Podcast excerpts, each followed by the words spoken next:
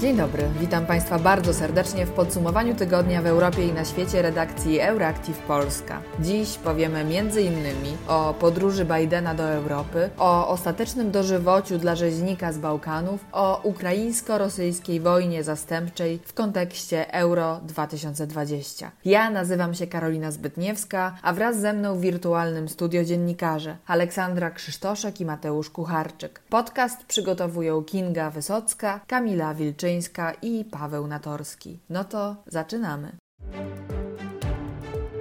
Od ostatecznego wyroku dożywocia dla kata Bałkanów. Generał Radko Mladic jest bezpośrednio odpowiedzialny za śmierć co najmniej 8378 muzułmańskich mężczyzn i chłopców w Srebrenicy w czasie wojny w Bośni i Hercegowinie.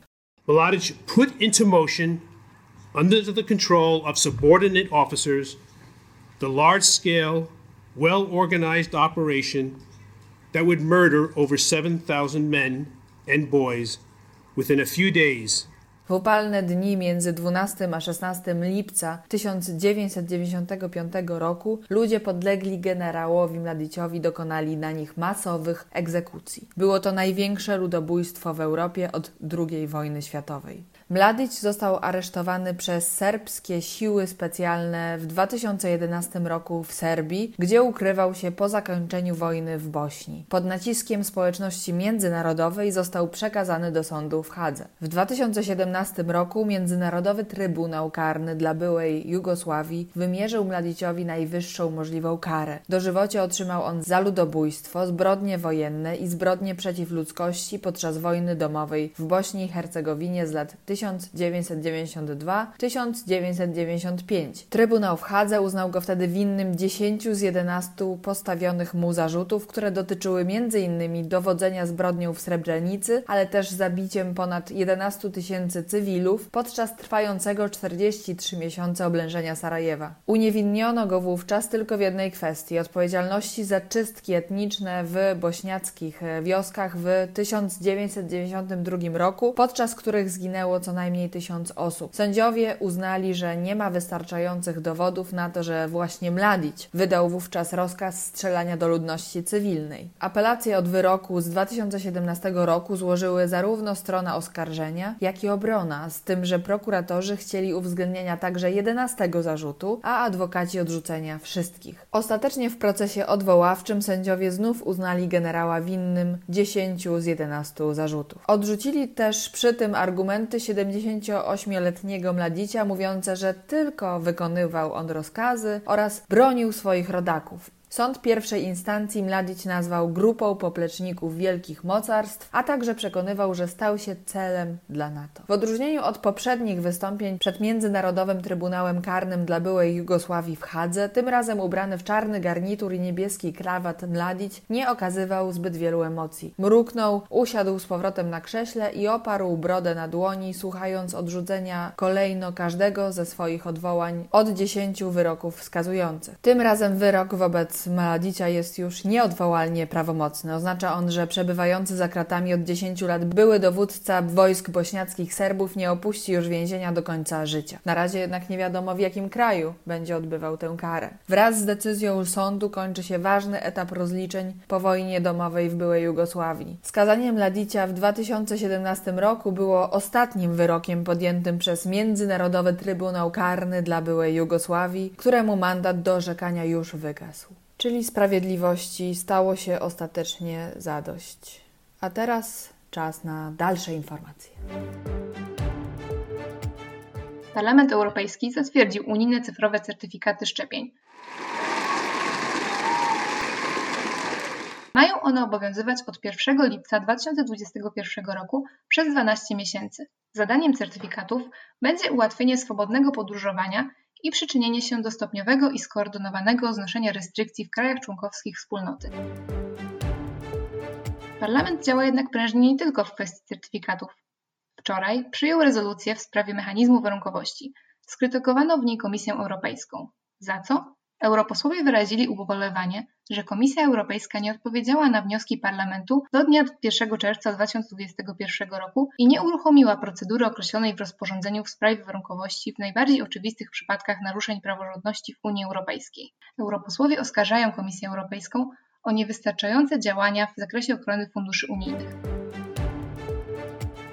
Teraz przeniesiemy się jednak do Ameryki Środkowej. W ubiegłym tygodniu wiceprezydentka USA Kamala Harris odbyła dwudniową podróż do Gwatemali i Meksyku, gdzie rozmawiała z przywódcami o rozwiązaniach problemu migracji i wsparciu Waszyngtonu dla obu tych krajów. W trakcie swojej wizyty w Ameryce Środkowej Harris zapowiedziała amerykańskie inwestycje w krajach, wywołała jednak także kontrowersje.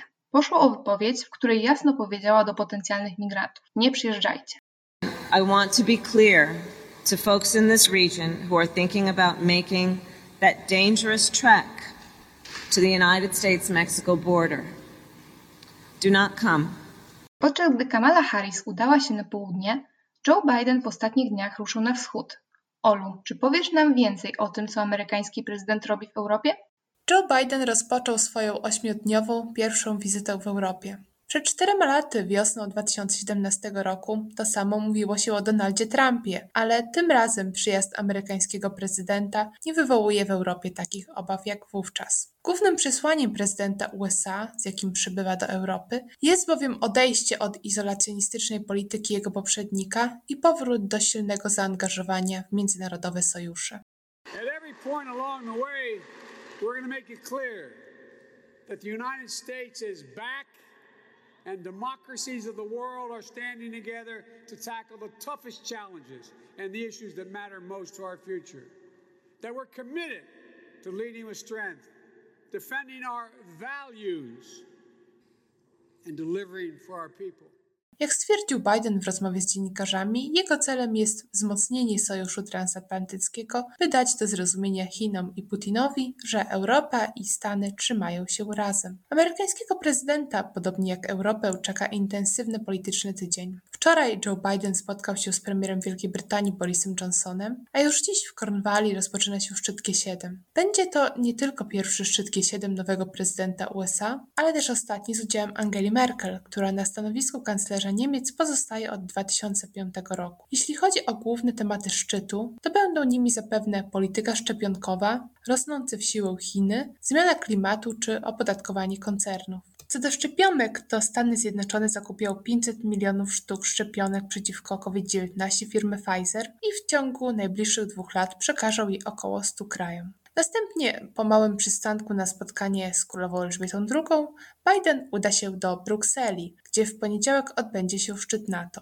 Jak poinformował sekretarz generalny sojuszu Jens Stoltenberg, przywódcy będą rozmawiać m.in. o działaniach Rosji i wyzwaniach związanych z cyberbezpieczeństwem, ale poruszą też podobne tematy co wcześniej na szczycie G7, czyli Chiny i pozornie nieoczywisty dla NATO temat zmian klimatycznych. Podobnie jak poprzednicy, Joe Biden poruszy zapewne temat konieczności podniesienia przez sojuszników wydatków na obronność. Tym bardziej, że nieuchronnie zbliża się rok 2024, a więc rok, do którego państwa NATO zobowiązywały się osiągnąć próg 2% PKB na cele związane z obronnością. Ostatnim i zapewne najtrudniejszym punktem w podróży Bidena do Europy będzie spotkanie z Władimirem Putinem, do którego dojdzie w środę w Genewie. Biden zapewnia, że nie szuka konfliktu z Rosją, ale deklaruje jednocześnie, że Stany Zjednoczone są gotowe do stanowczej odpowiedzi w razie kolejnych agresywnych działań Moskwy. W rozmowie z rosyjskim prezydentem Biden wyrazi zapewne zaniepokojenie m.in. cyberatakami Rosji wobec Stanów Zjednoczonych, agresją w stosunku do Ukrainy, uwięzieniem Aleksija Nawalnego i zatrzymaniami innych opozycjonistów i protestujących oraz wsparciem reżimu Aleksandra Łukaszenki. Wraz z tematem rosyjskiej agresji znów powraca kwestia wizji przyszłego ukraińskiego członkostwa w NATO. Jeśli chodzi o relacje między Stanami a Ukrainą, to w tym tygodniu miało miejsce drobne dyplomatyczne nieporozumienie, które natychmiast wyłapały w Rosji media kontrolowane przez Kreml. W poniedziałek, właśnie w związku z zbliżającą się rozmową z Putinem, Biden zadzwonił do prezydenta Ukrainy Wołodymyra Zełenskiego. Po rozmowie biuro ukraińskiego prezydenta przekazało, że Stany Zjednoczone poparły ideę przedstawienia Ukrainie planu planu działań na rzecz członkostwa w sojuszu, czego od miesięcy domaga się Kijów. To jednak natychmiast zostało zdementowane przez amerykańską dyplomację. Koniec końców biuro Zełańskiego zmieniło oświadczenie, podkreślając, że to ukraiński prezydent wspominał o tym postulacie, a nie, że Waszyngton faktycznie coś obiecywał. Nie wiadomo, co było przyczyną tych rozbieżności w oświadczeniach być może zwykłe nieporozumienie, ale nie wiadomo też, co tak naprawdę powiedział Zełenskiemu Biden na temat szans Ukrainy na członkostwo w NATO. Być może pytanie o wizję ukraińskiej akcesji powróci na poniedziałkowym szczycie sojuszu. A skoro już mowa o Ukrainie, to powiedzmy jeszcze o wojnie zastępczej między Ukrainą a Rosją w kontekście Mistrzostw Europy w piłce nożnej.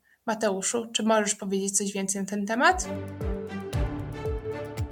Oczywiście, tak jak wspomniałaś, dziś rozpoczynają się piłkarskie Mistrzostwa Europy. Jest to druga pod względem wielkości sportowa impreza tego roku po Igrzyskach Olimpijskich w Tokio. Tymczasem, tuż przed rozpoczęciem rozgrywek sportowych, dały znać o sobie sąsiedzkie zatargi pomiędzy wspomnianą przez e, Ciebie Ukrainą a Rosją.